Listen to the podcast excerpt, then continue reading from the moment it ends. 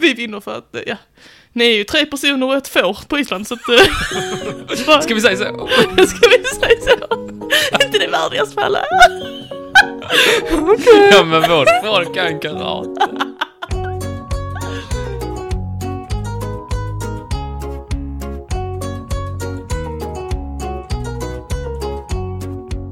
Hej och hjärtligt välkomna till epokens sista trivialistavsnitt. Goddag. Du heter Martin, jag heter Molly och idag så ska vi prata om Fiender 2.0. Eh, sista gången som vi släpper podden den här våren, om det fortfarande är vår. Det är inte vår, det är sommar. Det är sommar, ja. Det är supervarmt. Det är så pass varmt att du har dragit för dina gardiner. Eh, ja. För Stora att- fönster genererar mycket varm. Ja, mycket varmt. Hur är det med dig annars? Jo tack, det är bra. Mm. Hur mår du? Jo, jag mår jättebra faktiskt. eh, jag har varit hos naprapaten igen. Har visst fått dina heroinsprutor. Precis. det är ju lite läskigt och sådär. Speciellt när hon gör det utan att varna. Hon lägger ner så man ser honom ett litet tag och sen är hon så här. Och nu kommer nålen. Det Ja. låter ju som hon varnar dig då. Ja men sekunden innan, jag måste ju förbereda mig. Det är rätt jobbigt att få en nål i nacken. Du vill bara slappna av, det finns väl inte mycket att göra? Nej, det är inte mycket att göra. Hon säger att, jag är, att min, eh, min nacke är jätterolig. Jag tar det som en komplimang. Men hon knäcker och knakar och alltså hela min det låter som ett jävla dragspel när jag går därifrån. Det är helt sjukt. Men det är lite spännande och så. Man lär sig någonting nytt varje dag om sin kropp alltså. Ska vi prata lite om dagens ämne? Kommer du ihåg vad vi ska snacka om? Fiender 2.0. Det är fiender och det är andra gången vi pratar om det så då är det 2.0. Vet du vad jag ska snacka om idag? Nej. Jag ska snacka om ACDC. Highway to Hell? Nej, inte alls faktiskt. Back Det in Black? Det är en liten... Vilken eh, låt är det du ska prequel. snacka om? Det ska du få höra. Jaså? Då lär vi bli stämda om jag ska höra på ACDC. du ska inte höra på ACDC i den meningen. Utan jag tänkte att jag skulle ta tillfället i akt idag att göra en eh, Mollys veckans historiska person. Jag har velat prata om den här snubben, för ja, det är en man, eh, väldigt, väldigt länge, typ sen vi startade podden tror jag. Eh, när jag gick i mellanstadiet så skrev jag min första, liksom, du vet, så här, uppsats, nej, högstadiet kanske, skitsamma, eh, om den här personen. Och, Är det eh, sångaren? har liksom varit väldigt intresserad av hans livsöde. Eh, och jag tror också att du känner till väldigt, väldigt mycket av detta. Så jag, Jag känner, tänker, varför att, skulle jag känna till detta? så jag tänker att du kan hoppa in med fakta sådär om jag missar någonting. Du ska få höra om ACDC idag, eftersom jag ska prata om Nikola Tesla. ACDC? Vi kommer dit, vi kommer dit. Så, som sagt, Nikola Tesla, en person som jag verkligen säger, jag tycker är väldigt intressant livsöde. Eh, och jag ska lära dig och lyssnarna allt jag kan om eh, honom. Jag kommer berätta om ett fiendeskap mellan två kända personer. Mm. Det är Nikola Tesla och Thomas Edison. nu blev du chockad va? Nu blev jag chockad, det visste jag inte skulle komma. Visst. Det var en nyhet. Men eftersom att en av de här personerna är objektivt mycket mer intressant än den andra, så Jaså? är det den jag kommer foka på och det är alltså Nikola Tesla. Men, men självklart så kommer fiendeskapet stå Tycker lite i inte fokus. Thomas Edison spännande nog? Jo, han är spännande, men jag tycker liksom att eh, en av de här personerna är kanske den man hejar lite på sådär. Och det är såklart den serbisk-amerikanske Nikola Tesla. Mhm. ehm, som föddes den 28 juni 1856. Men eh, Ja. fanns Serbien på 1846? Nej, det var dåvarande, kan du, vet du vad det hette då? Serbien? Mm, Var det en del av, eh, vad heter det, Österrike-Ungern? Uh, Kejsardömet Österrike, Kejsarriket? står det. Okej. Ehm, och i byn Smiljan, fint namn på en by. Eh, och där så var hans pappa präst ehm, i den serbiska ortodoxa kyrkan och sa Nikola, du, du ska väl också bli präst, ska inte det? Och då sa nej pappa, jag ska jobba med att elektrifiera folk i skallen när jag blir stor. Och sen ska jag bli en bil. Sen ska jag bli en bil, sa han. Hans pappa sa nej, nej, nej, nej, nej, du ska bli präst precis som jag, det är det vi siktar på. Men vet du vad Nikola gjorde då? Mm, Han gjorde någonting som man inte får om man är präst. Nej. Man, det hade varit sjukt om Det man gjorde det. roligt. Nej, han blev febersjuk i protest. Jaha. Han bara, pappa jag vill inte bli präst. Och sen så drabbades han av en serie av eh, stora febersjukdomar. Och då så sa pappan så här till honom, Nikola, om du bara blir frisk igen så slipper du bli präst. Och då tillfrisknade han. Mycket märkligt. Vad var det för någonting? Ja men det är lite suspekt. Hade han bara satt lite, lite honung i näsan eller någonting? Jag vet inte om man låtsas vara sjuk. Honung i näsan. Men man, man har fejkat det på något sätt. Säkert. Alltså det hade inte förvånat mig för som, du känner ju Nikola Tesla som en Någon slags vetenskapsman, kan man väl vetenskapsman, säga. precis, och uppfinnare. Och även från väldigt ung ålder så hade han otroliga idéer. Så det är mycket möjligt att han kom på någonting som fick honom att få högre temperatur. Ja. Det vet vi inte. Eller så var han febersjuk och det var bara ett mirakel att han tillfrisknade. Det vet vi inte. Men, Men, han kanske var allergisk mot björk. Ja. Och så gick han ut varje dag när han skulle låtsas vara sjuk och eh, hångla med en björk eller något. Hångla med en björk. jag vet inte hur man gör, hur det funkar. Du vet inte hur man hånglar med en björk? Det trodde inte jag om det. Om det inte är Martin Björk. Jag vet hur man hånglar med en Är det- björk. Hette han så? Martin Björk, hette han så?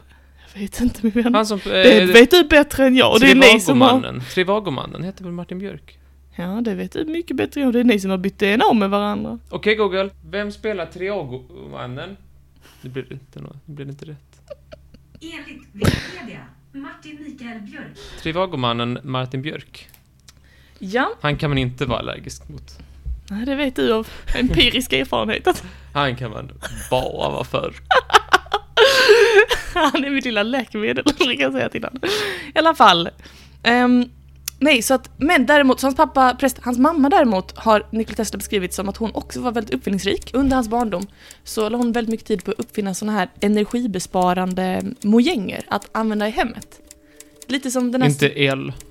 Inte med el, inte med el. som sagt. Det här var alltså... Så det fanns inte. Nej, det här var alltså 1856. Käft. Eh, och då tänkte jag på den här snacken du har berättat med om, eh, där, du vet du berättade om de här energibesparande hemmafruarna. Ja. Jag tänker att hon var ungefär sån. Eh, att hon uppfann liksom så här, någon maskin som kunde kn- kläcka ägg, knäcka äggen och någon som kunde LOL. damma åt henne själv och Är det sådär. en... Eh, tar det mycket energi att knäcka ägg? Jag vet inte. Men hon var tydligen en hejare på det här med mekanik och liksom fick hemmet att gå runt väldigt mycket utan att behöva jobba så mycket Det själv. är en makalös manik. Det är en Så, var det ne- Nikolas Tesla som sa det först? Ja, det sa han faktiskt först. Det är en makalös manik. Det är en evighetsmaskin. Eh, och Tesla har sagt också att det är hans mamma främst som har inspirerat honom att eh, fortsätta försöka uppfinna och liksom undersöka vetenskapen. Det tycker jag är Mm. väldigt fint, intressant och sådär.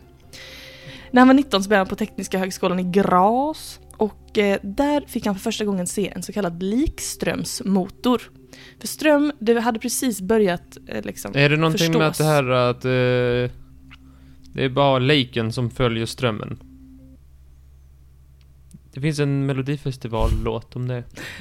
Nej, det är inte Det det. är bara de döda som följer strömmen. Nej, det är inte det som är likströmsmotorn. Utan det är de som lever som simmar mot den. Nej, Martin. Men det är en fin allegori för det komma skall. Så det är det. Likströmsmotor. Eh, det, det var, som sagt, strömmen hade redan börjat nosas på på den här tiden och jag ska strax berätta Det mer ska om man vad låta likström bli. är. ja, det ska man inte göra. inte om nosen är blöt.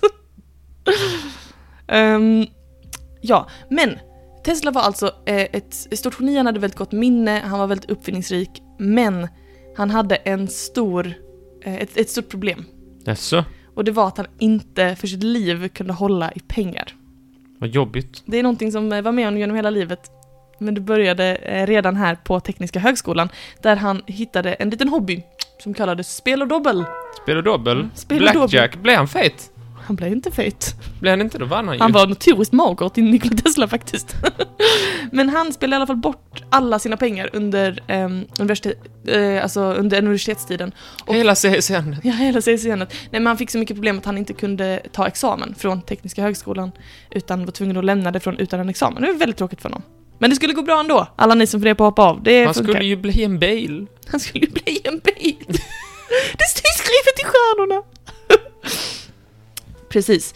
Men säg vad man vill om Tesla, även om han var askat på att hålla i pengar, så var han ju flitig. Flitig i ledordet här Martin. Är det det? Ja, han hoppar av alltså från utbildningen och han börjar jobba på ett telefonbolag i Budapest och uppfinner på kvällstid. Han sover tydligen väldigt lite och är liksom alltid igång med sina experiment och sådär. Han flyttade runt lite över hela Europa. Han jobbade i Paris, han jobbade i Budapest. Så småningom så spred sig ryktet om hans talang och han blev erbjuden att flytta till New York för att börja jobba för... Är Big Apple. Nej, han jobbar inte för The Big Apple Martin, det hade varit jättekonstigt. Han började jobba för Edison. Thomas Edison, precis. Thomas Edison, vem var han då? Han snodde en massa, massa, eh, inte recept, för så heter det inte den branschen, utan eh, patent. Han Ja. uppfinnare och sen så tog han patent på massa andra grejer som Det gjorde han. andra människor hade gjort, inklusive glödlampan, där vi har både en sovjet... Nej, inte sovjetisk, för att det, Mm.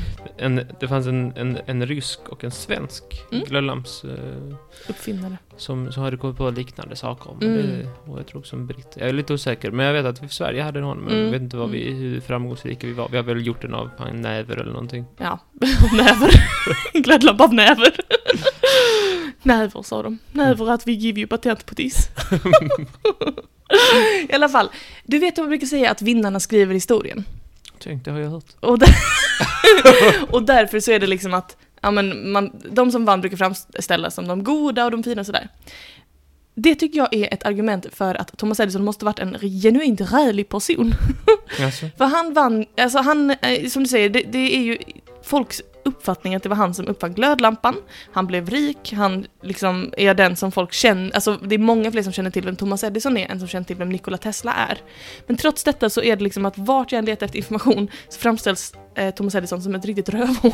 mm. Han är bara så otroligt, han, som du säger, han snor patent, han är taskig, han stjäl, han eh, kör med fula knep och han är väldigt girig.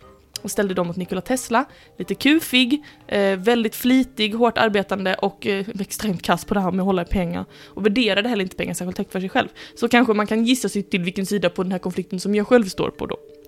Mhm. Ehm, men Tesla kom alltså till New York och började jobba för Edisons företag som redan var väldigt stort. Och Edison hade nämligen ett eh, problem.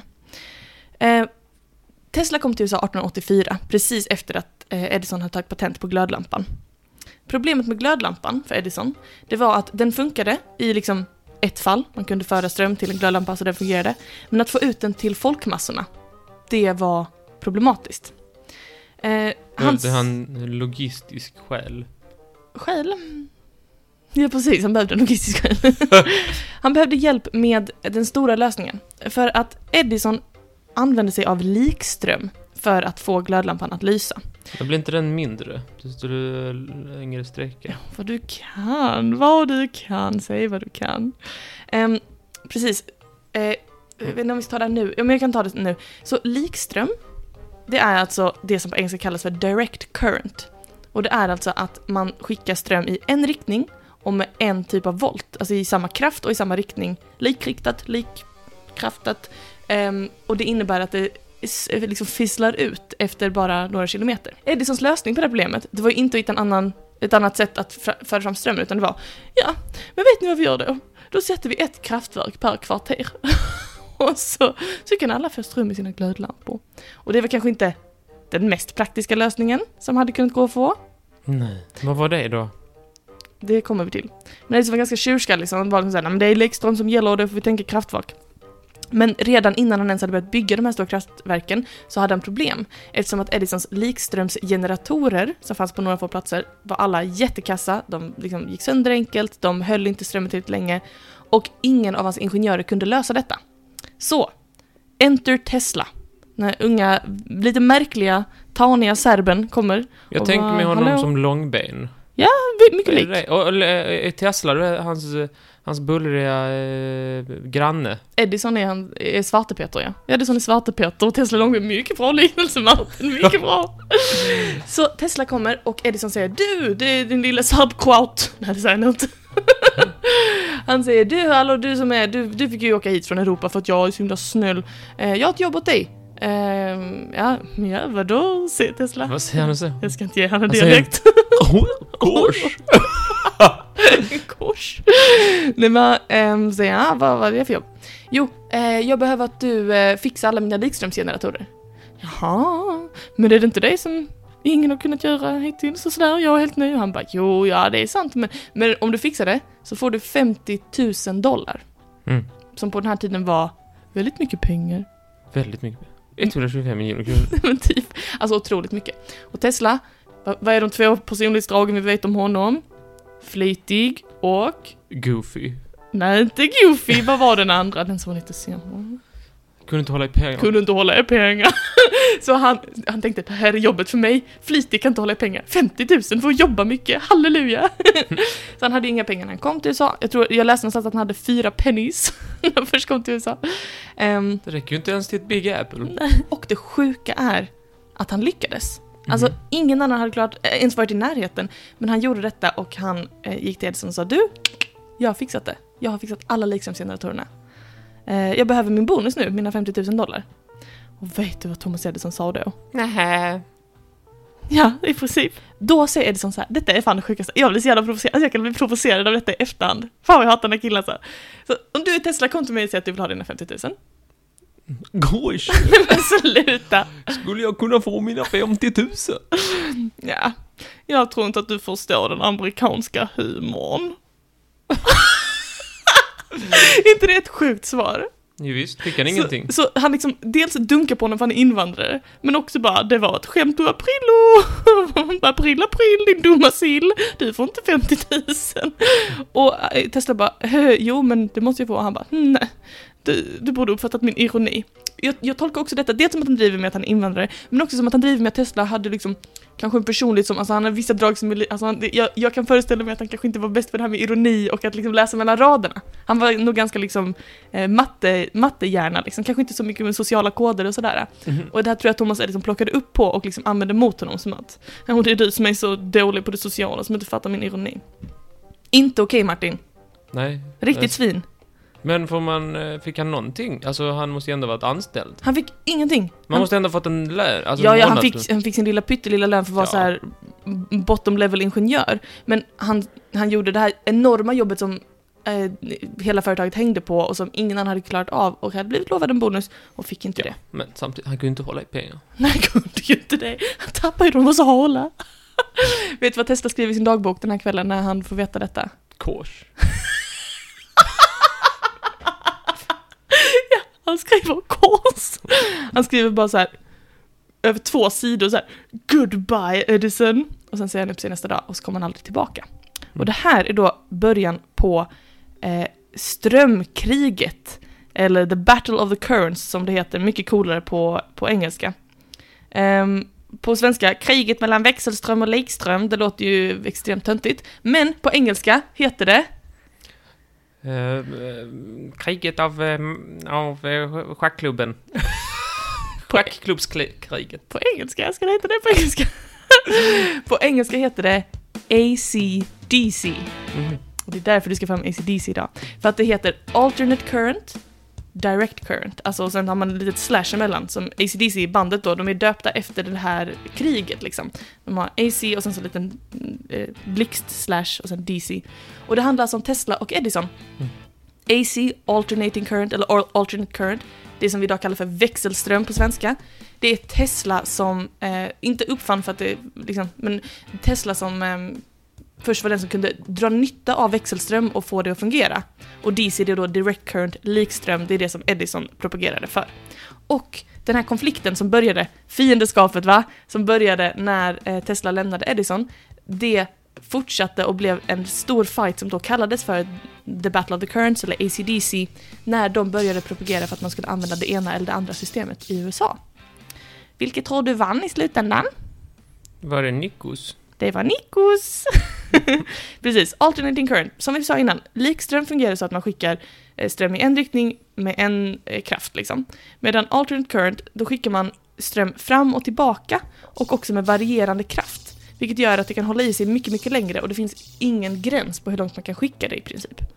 Och det är det som gör att vi idag kan ha elektricitet överallt. Alltså, Nikola Tesla är grunden till att du kan ha den där lampan tänd. Är inte det coolt?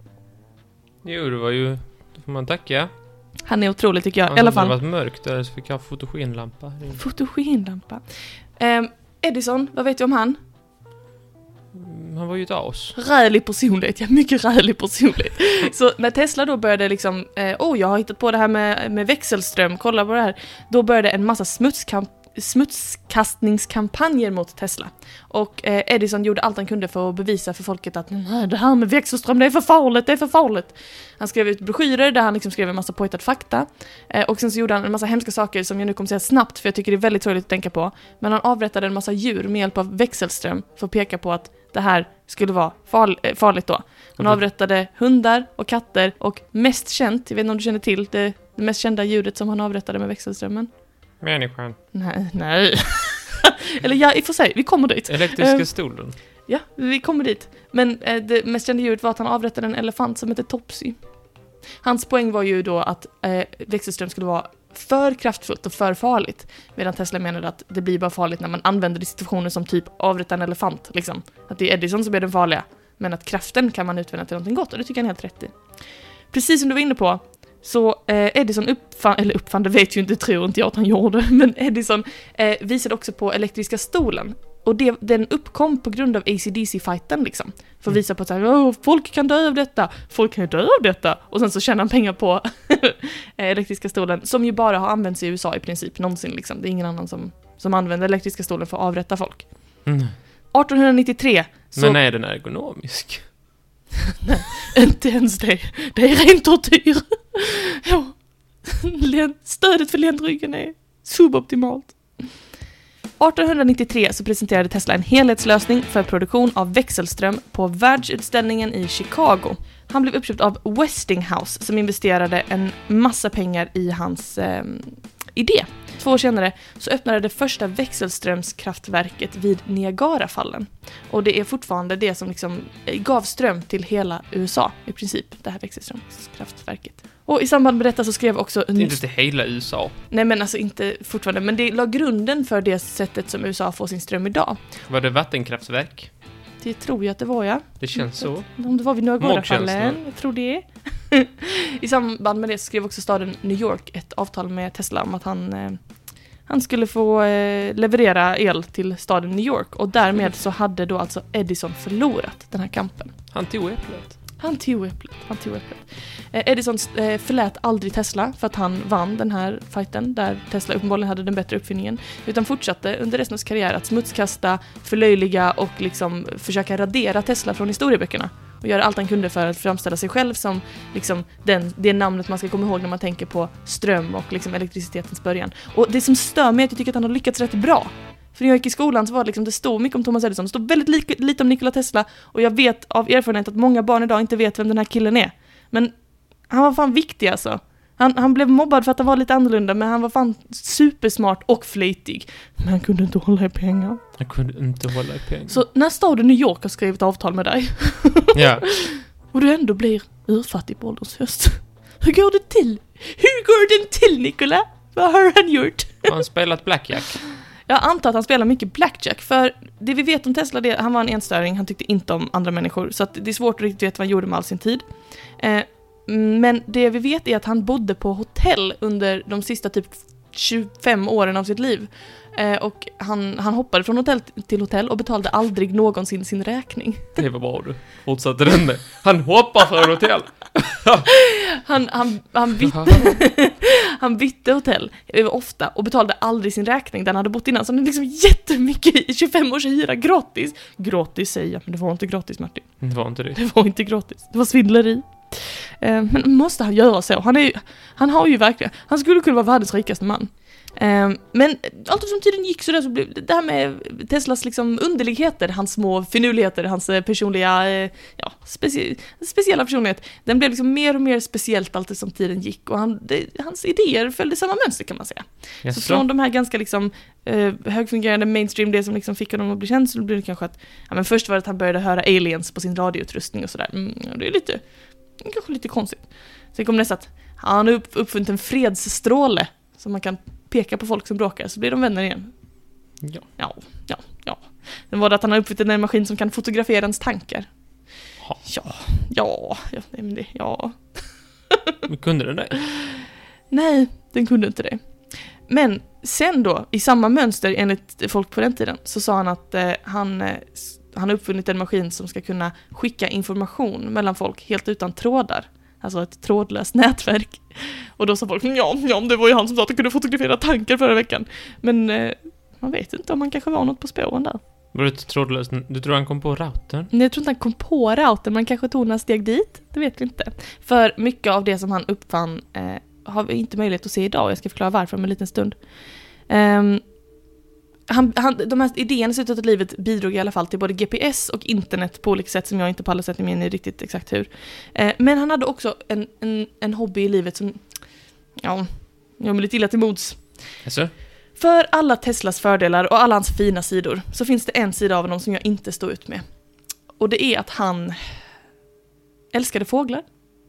Och framförallt duvor. Mm. Och att han matade duvor. Och det vet du vad jag tycker om folk som matar duvor?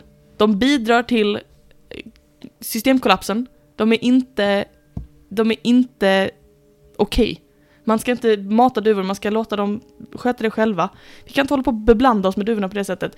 Men Tesla, han... Nej, bara- Du, du vill ha ett system där man, man delar upp de som har rätt, av rätt sort och fel sort, så Ja. att säga. om, om linjen går mellan människa och duva så ja, absolut. Mm, Det vara intressant att veta. Eh, det fanns framförallt en duva som Tesla var väldigt förtjust i. Mm. Det var en, eh, en vit duva av hornkön. Hade han tagit reda på. Sådär. Och han, eh, han, trots att han var urfattig vid det här tillfället, så la han 2000 dollar på att ge den en liten robotvinge när den blev skadad. Och typ en robot-exoskelett. Och han sa... Fanns det att köpa? Nej, han byggde den själv alltså. Tesla skrev i sin dagbok så här. Det fanns en, en vit honduva som kom och hälsade på mig. Jag kände mig aldrig ensam när hon var med. Jag älskade henne som en man älskar en kvinna. Och hon älskade mig. Fint. Tesla gifte sig aldrig. Det kanske var bra. Du tycker inte det, du tycker detta är, du, du säger att den här Men kärleken Är det exakt som en man älskar en kvinna? Är det exakt som man älskar en kvinna? Så vill jag helst inte veta mer om detaljerna. Jag tycker världen inte kan få nog av kärlek. Nej, det är sant, men måste det vara exakt som en man älskar en kvinna? Kan det inte vara som en pojke älskar en katt? Kan det inte vara något sånt? I alla fall. Eh, Tesla dog då eh, den 7 januari 1943 vid 86 års ålder. Eh, totalt pank och väldigt mager, men eh, tydligen då glad eftersom han hade sin duva i slutet av livet. Och alla hans ehm, ägodelar, bara några dagar efter att han dog så fick hans familj ett brev om att hans ägodelar behövde gås igenom av The Office of Alien Property Mhm. eh, av en- engelska regeringen. Så de skickade iväg en, eh, en, eh, en professor från MIT som hette John Trump och det är Donald Trumps morbror. är inte det sjukt? Mm. När dog han, du? 1943. Ja, då kan det väl stämma rent matematiskt. Ja, ja. Men så Donald Trumps morbror gick i alla fall igenom alla Teslas ägodelar och sa att ja, men det mesta här hade inte varit farligt i eh, ovänliga händer så att säga. Och skickade ungefär 97% av sakerna till hans familj. Men några ägodelar har staten beslagtagit och har fortfarande inte släppt till allmänheten. Och vi vet inte vad det var som Tesla kan ha uppfunnit på sin lilla kammare där i slutskedet av livet. Fjärrkontrollen innan tvn kom. Nej men alltså jag bara säger, jag bara säger, de har fortfarande inte släppt det. De, de, de sa, det mesta av det här är ofarligt i, i liksom så här fiendens händer. Men eh, vi behåller de här tre sakerna. Idag så vilar Teslas eh, aska i en metallsfär eh, eh på Teslamuseet och hans namn har på sistone fått mer och mer uppmärksamhet. Som du var inne på innan så har han blivit en bil då. Bilföretaget Tesla värderas till 58 miljarder dollar ungefär. De har ju skickat ut en, en Tesla-bil i rymden. Ja, och det tror jag att om han hade fått veta det på sin tid så hade han tyckt att det var väldigt fint. Det var i alla fall historien om Nikola Tesla Men det var trevligt. och hans fiendeskap. Ja, varsågod. Tack så mycket. Tack så mycket. Varsågod. Tackar, tackar, tackar, tackar, tackar, tackar. Fiender snackar vi om. Ja, visst. Trevligt med fiender och så här fiendeskap. Ja, visst. Och eh, jag ska eh, dra av detta som ett plåster. Jag ska prata om, du vet fiender. Man kan ju inte, man kan sällan vara fiender så mycket som när man krigar. Ja. Så jag ska berätta om någonting som är någonting gott av flera krig som har hänt. Jag ska berätta för dig om någonting som, är en, bety, som betyder mycket för mig idag Mhm. och som är sprunget av eh, krig och konflikt. Oj, oj, oj, vad spännande. Du kan ju ropa, ropa hej när du, eh, när du vet vad det är för någonting. Oj, okej, vad det kul. är detta som jag har, eh, det kommer ju gå ganska snabbt innan du fattar vad det är för någonting. Mhm. Vi börjar i Napoleon. Som alltid när du ska snacka Slutet på sånt här. 1700-talet, början på 1800-talet var Napoleon ute och krigade i Europa. Ja. En, en stor herre med stor hatt och små byxor. Nej, jag vet inte. Han sägs vara kort, men jag tror inte... Små Men han var nog inte så kort som man tror. Nej, men han hade väldigt tajta byxor för det. Hade han tajta byxor? Yes. Det visste jag inte. Det var en nyhet. Hade de inte så lång mage att man knäppte dem så högt upp på magen? Man har väl alltid haft höga byxor i förhållande till idag. Idag är det lågbyxor. Det, idag är det väl inte lågbyxor? Men när vi Väl- växte upp var det lågbyxor. Ja, visst, då var byxorna vid knäna. Det var ju så. Ja, jag minns, jag minns. Det var hemskt för mig också. Jag hade inte det, kan jag säga. Du hade inte häng? Jag hade inte häng. Nej, du Jag hade ingen att hänga med heller.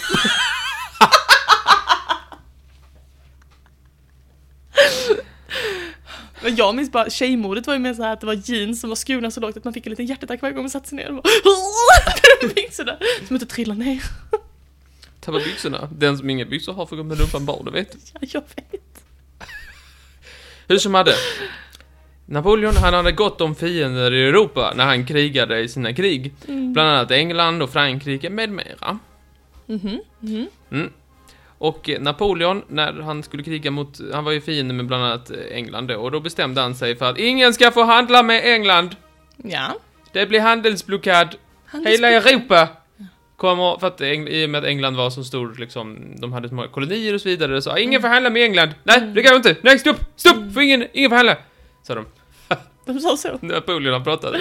Känt så. Yes. Han var från Lackalänga. Kan vi släppa vad Napoleon Ja, ja, för var länge sedan. Vilken skånsk miniort han var ifrån. Napoleon från Lackalänga. Ja, visst.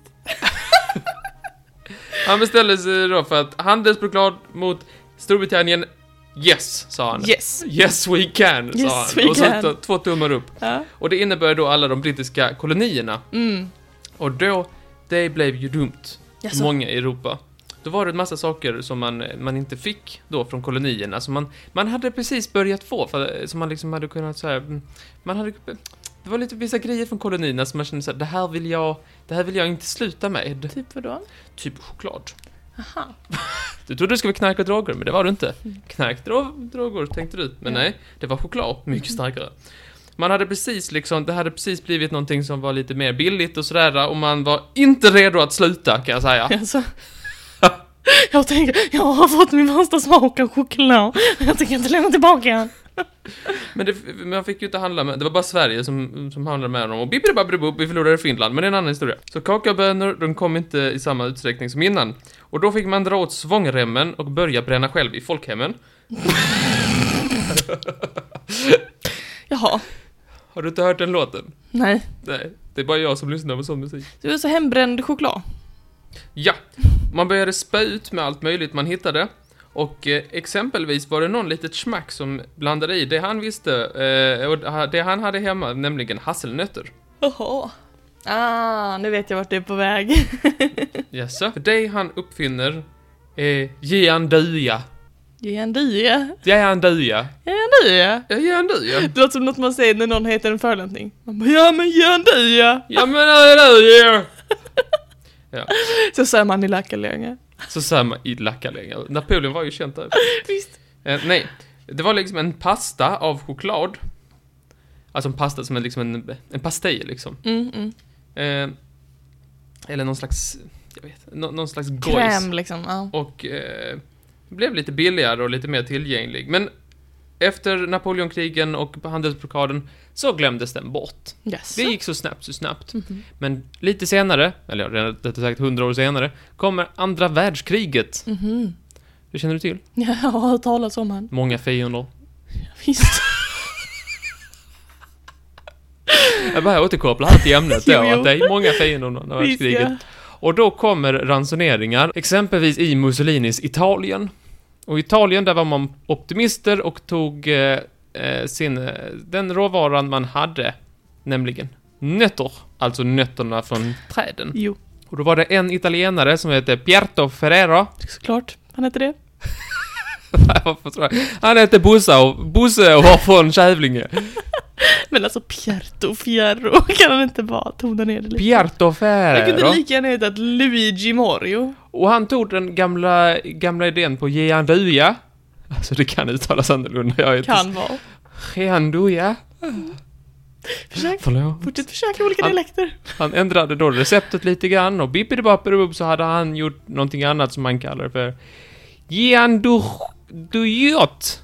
Kan det heta så? Geandujot. Han ändrade lite. Det var en pastej av choklad. Man behövde kniv Ja. för att eh, eh, för att skära upp det. Jag tänker mig som en blodkorv. Jaha, så liksom. Okej. Mhm. Men, men det var choklad och hasselnötter.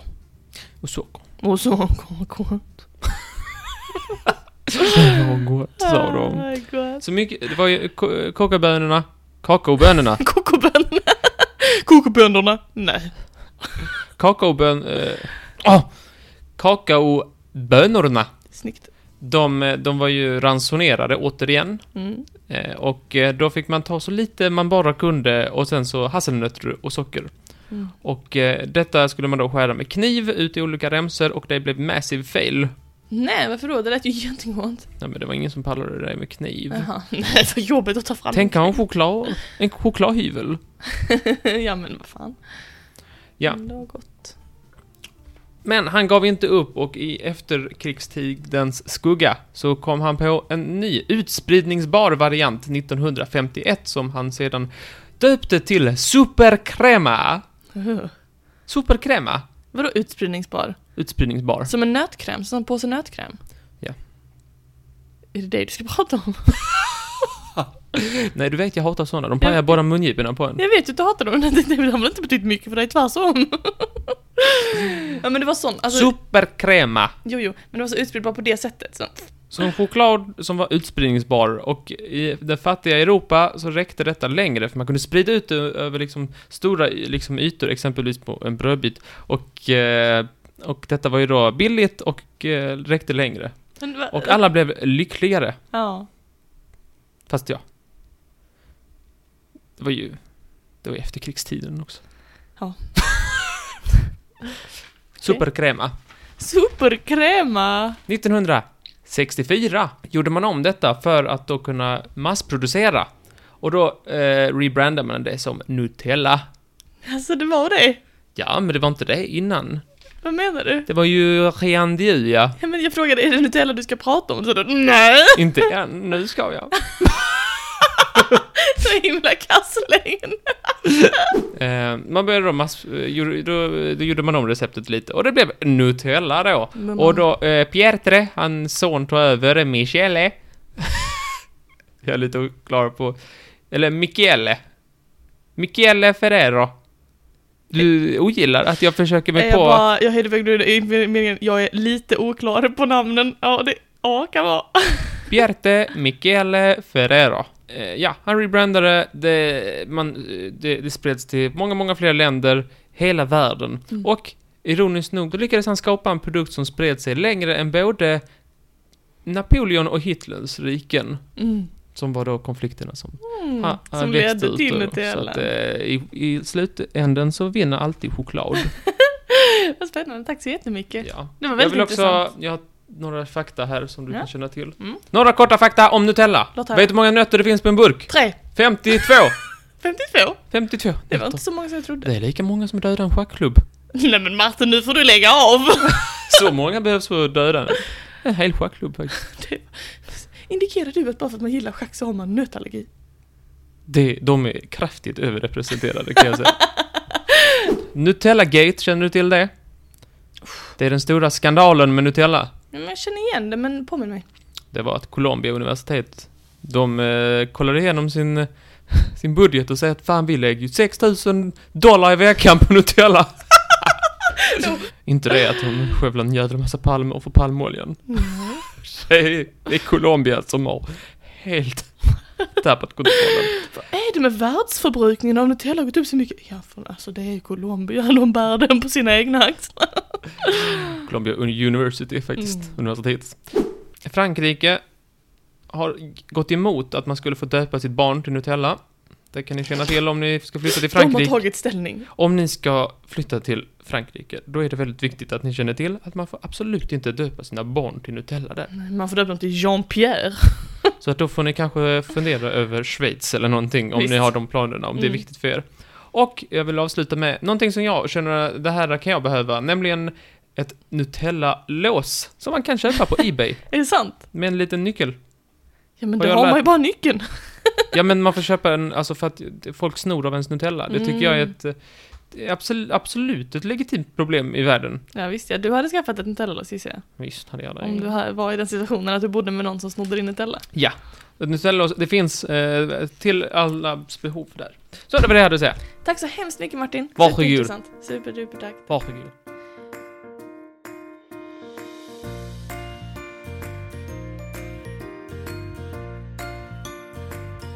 Eh, stort tack Martin, det var väldigt intressant. Tackar. Någonsin, Jag tänk, och jag tycker Vince, eh, du pratade lite om krig.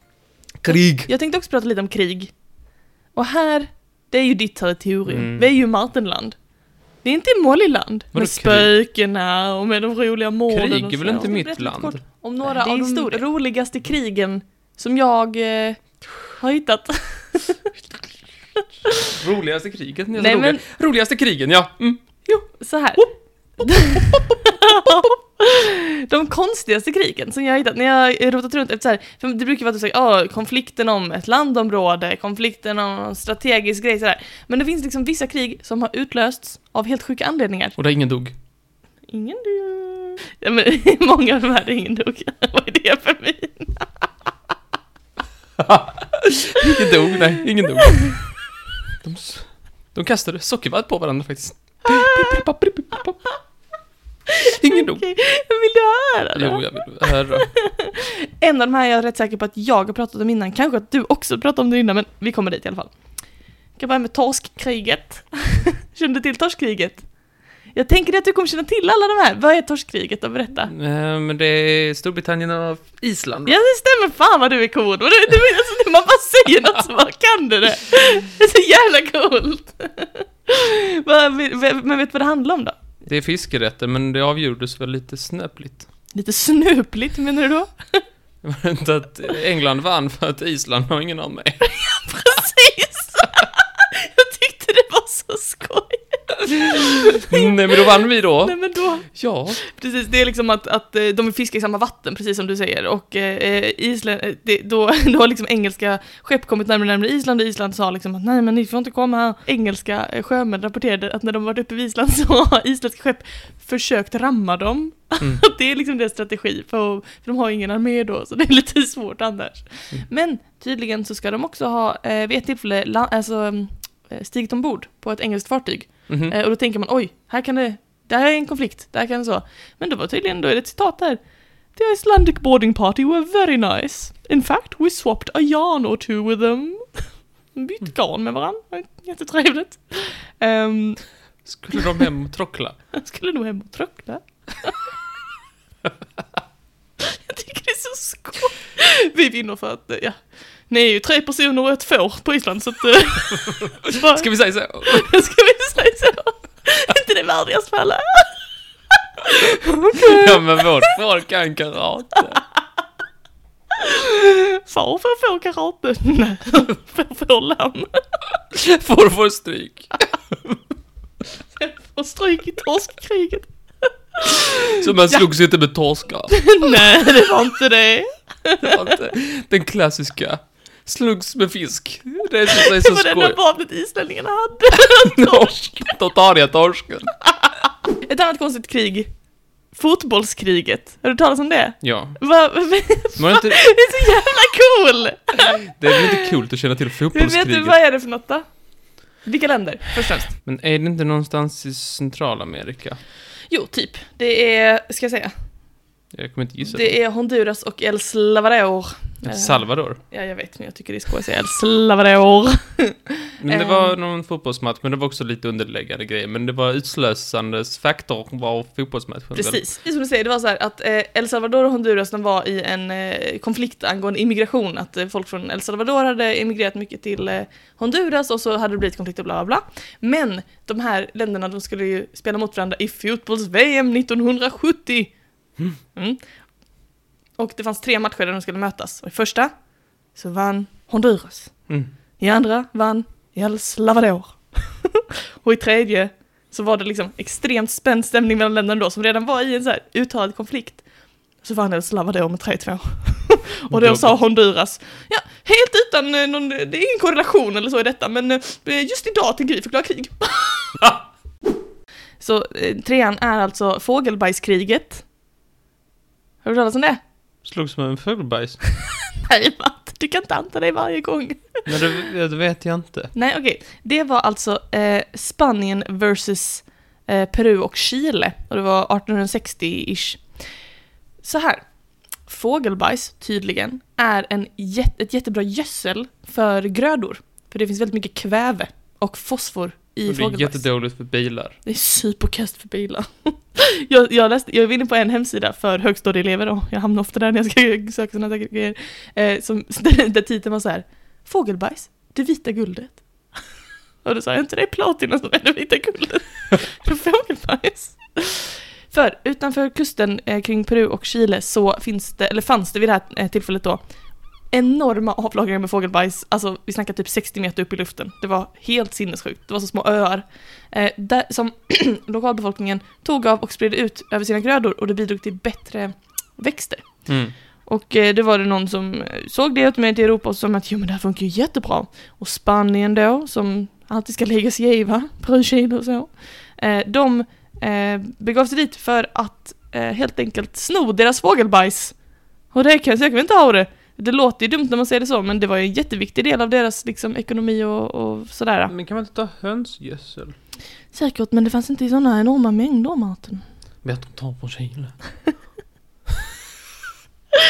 Ehm, precis, så eh, det var det som var det som var den som var den som var den som var den grejen. Med de- fågelbajskriget. Den sista som jag pratade om, som jag är rätt säker på att jag har nämnt tidigare. eh, och som jag är säker på att du känner till, men det är hinkkriget. Hinkkriget? Har jag nämnt det tidigare? Vet inte. Det är kriget om trähinken. Kanske. Det är eh, från 1325 och det är två stycken eh, delar i nuvarande Italien, Modena och Bologna, Bologna, Bologna, ja. Ehm, då var det alltså att det var en kamp mellan två partier, guelferna och gibellinerna, som hade pågått i väldigt många år. Eh, och det var en eh, konflikt mellan påven och den tysk-romerske kejsaren. Eh, Grundat i religion och sådär. Eh, men då fanns det ett, eh, ett, eh, en, en trähink va? Mm. som, som låg i Bologna tror jag. Nej, som låg i Modena. Eh, bara en, en vanlig fucking trähink liksom. Hur- Var det en fin trähink? Nej, rätt ful. Var det något i hinken? Det kan ha varit så att det var fylld med byte från staden. Det hade ju varit rimligare. um, Bologna stal den här trähinken från Modena, men eftersom det var så himla spänd stämning så, eh, så blev det liksom ett krig där man snodde den här hinken fram och tillbaka över landsgränserna. För så, nu har vi det. Det är liksom ett jättekomplicerat spel av Catch the Flag. Fast med fler döda. Jag tänker mer på Kalle Blomkvist och den här Den stenen. röda vita rosen, ja. Den här hinken i alla fall, den värderas som en historisk klenod och finns utställd i Modenas stadshus än idag. Det är väldigt Kom ingen och snor den. Nu kommer Bologna. Nu tar vi den grabbar. Vi läker till lä i 800 år snart. 700 år. Ja, det var lite knäppa anledningar att börja bråka genom tiderna. Vad trevligt. Ja, varsågod. Tack.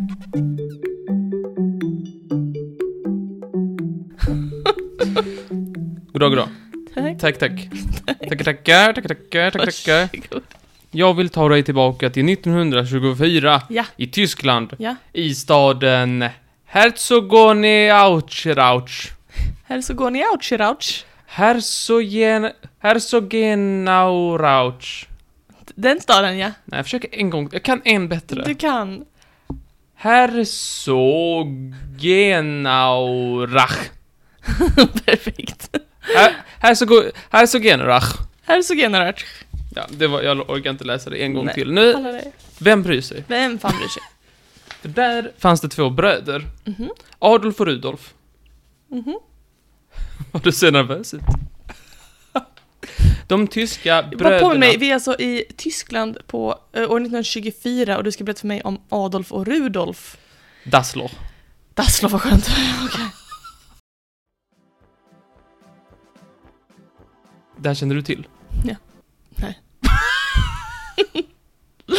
Fan är de? Jag, jag satt på och, och, och skrattade nöjt över att få två barn och döpa dem till Adolf och Rudolf. Vadå? Det kan man väl göra. De jobbade med det enda heliga här i världen, nämligen skofabrik. Jaha. De hade en skofabrik tillsammans under eh, Gebrüder Dasslers skofabrik. det kan vara skofabrik. Det kan vara så att det inte uttalas helt så. Men då har vi Adolf och Rudolf då som jobbar på den här skofabriken, eller de äger den här skofabriken och de har experimenterat och, och fixat. Eh, Adolf, eh, Adolf, han hade redan innan den här öppnades, han hade experimenterat lite med, med lite material som han ville så se, kan jag göra en sko av detta? Till exempel eh, saker som han hade recyclat från andra världskriget, nämligen typ så här remmen från, eh, från hjälmar och sånt. Som han, han tänkte, han var en, han var en Greta-själ. Han var en riktig Greta-själ. Men han, han, han, provar, han hade provat tidigare med det här med skorna och nu, nu var de väldigt glada att få öppna den här eh, fabriken. Den, Rudolf, han var lite mer åt eh, det försäljningshållet och sådär. Mm, mm. Och eh, de började så här, eh, som bröder. De, de började liksom... eh, De började jobba tillsammans med den här fabriken tillsammans. I goda vänners lag, Ja. goda bröders lag. Men sen, som bröder ofta gör, så blir man lite osams. Det, kan man- hända. Det, kan bli. Det bästa. kan bli. Eh, lite osämja som startade då. Eh, och Rudolf, han hade ett stort problem med, med Adolfs fru, Aha. som heter...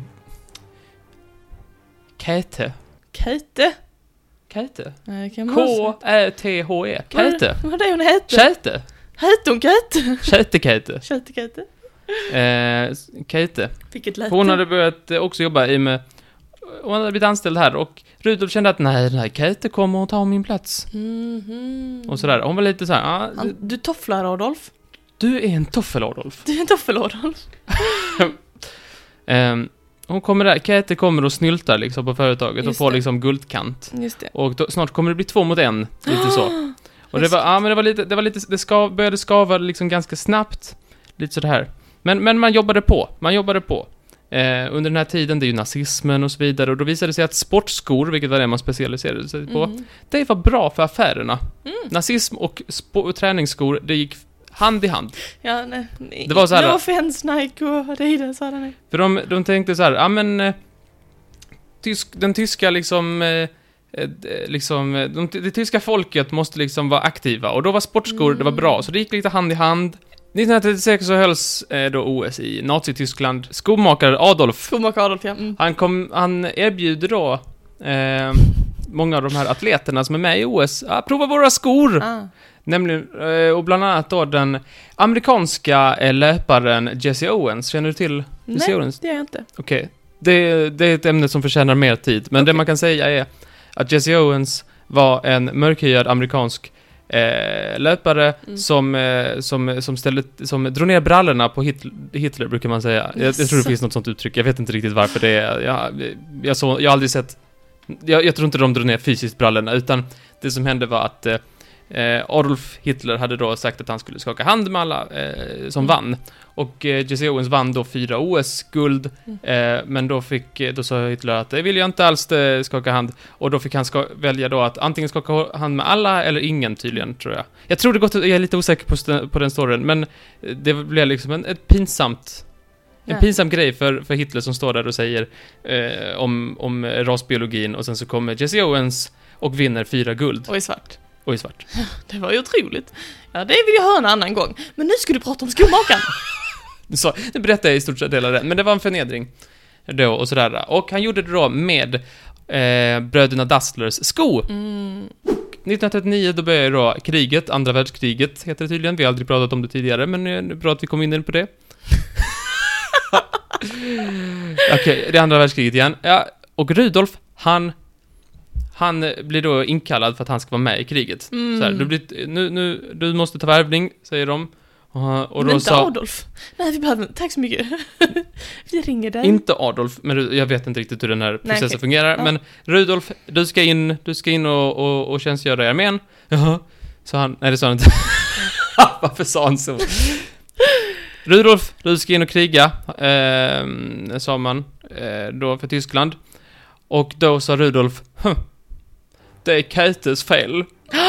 Aha, jag förstår. Det är Kätes fel, då hon säkert dragit i någon tråd att jag ska in. Visst. Fan, jävla Käte. Visst, säkert. Alltså eh, Adolfs fru. Mm. Adolf Skomakares fru. Mm. Och eh, kriget går, och eh, under krigets gång så fängslas Rudolf av amerikanarna. Okej.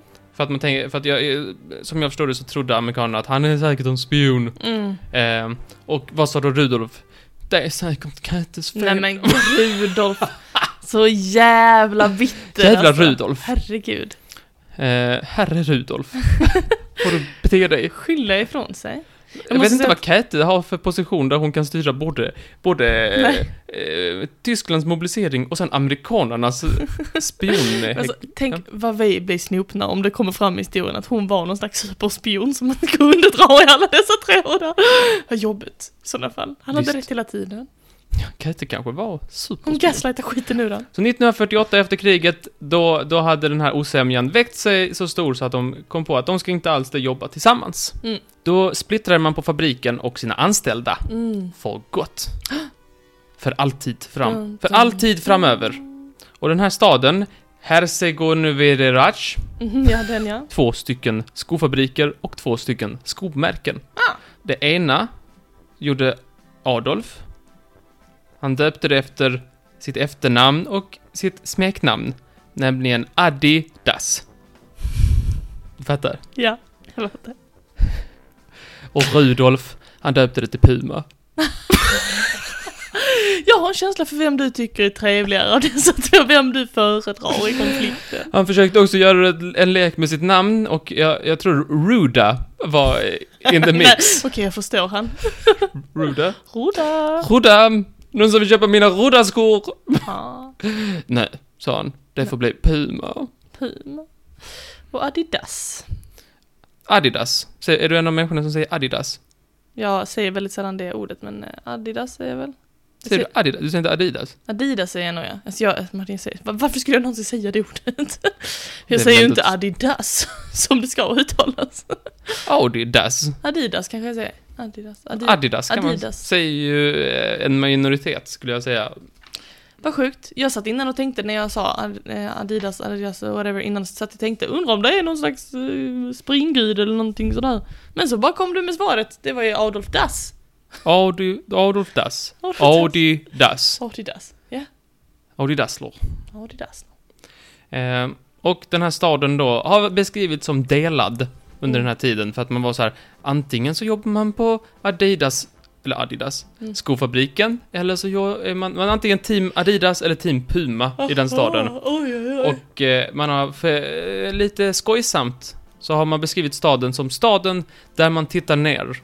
Ja, man kollar på sina skor. Man kollar på vilka skor de andra har, för man Ja, vet ja, som man är i samma läger då. Sjukt.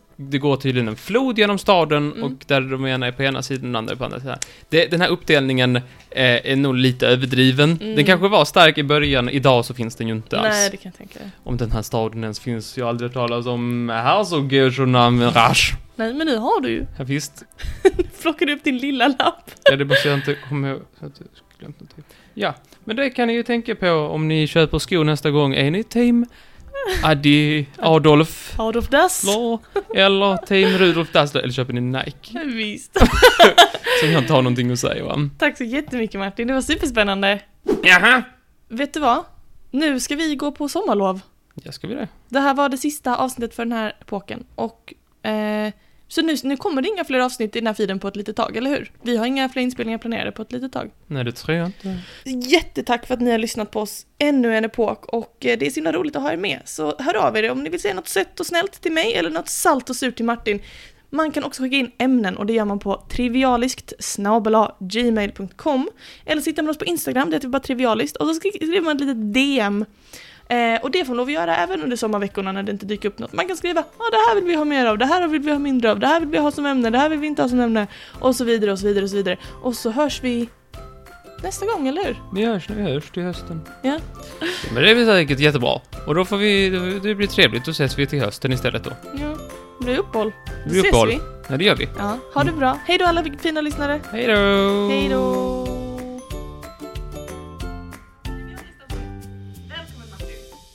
Nej, paus. Jag hör inte dig. Men... Det är inte mycket Förlåt mig. Ja men snälla, du, att du inte hör den skillnaden. Du dödar mig, men sen dödar jag fan med dig. I efterhand. Men, vad Post. läskigt. Postmortum. Postmord. Det skämtet måste finnas. Jag ska döda dig efter min egen död. Det är ett postmord. Koncentrera som ett på posten. Nej du.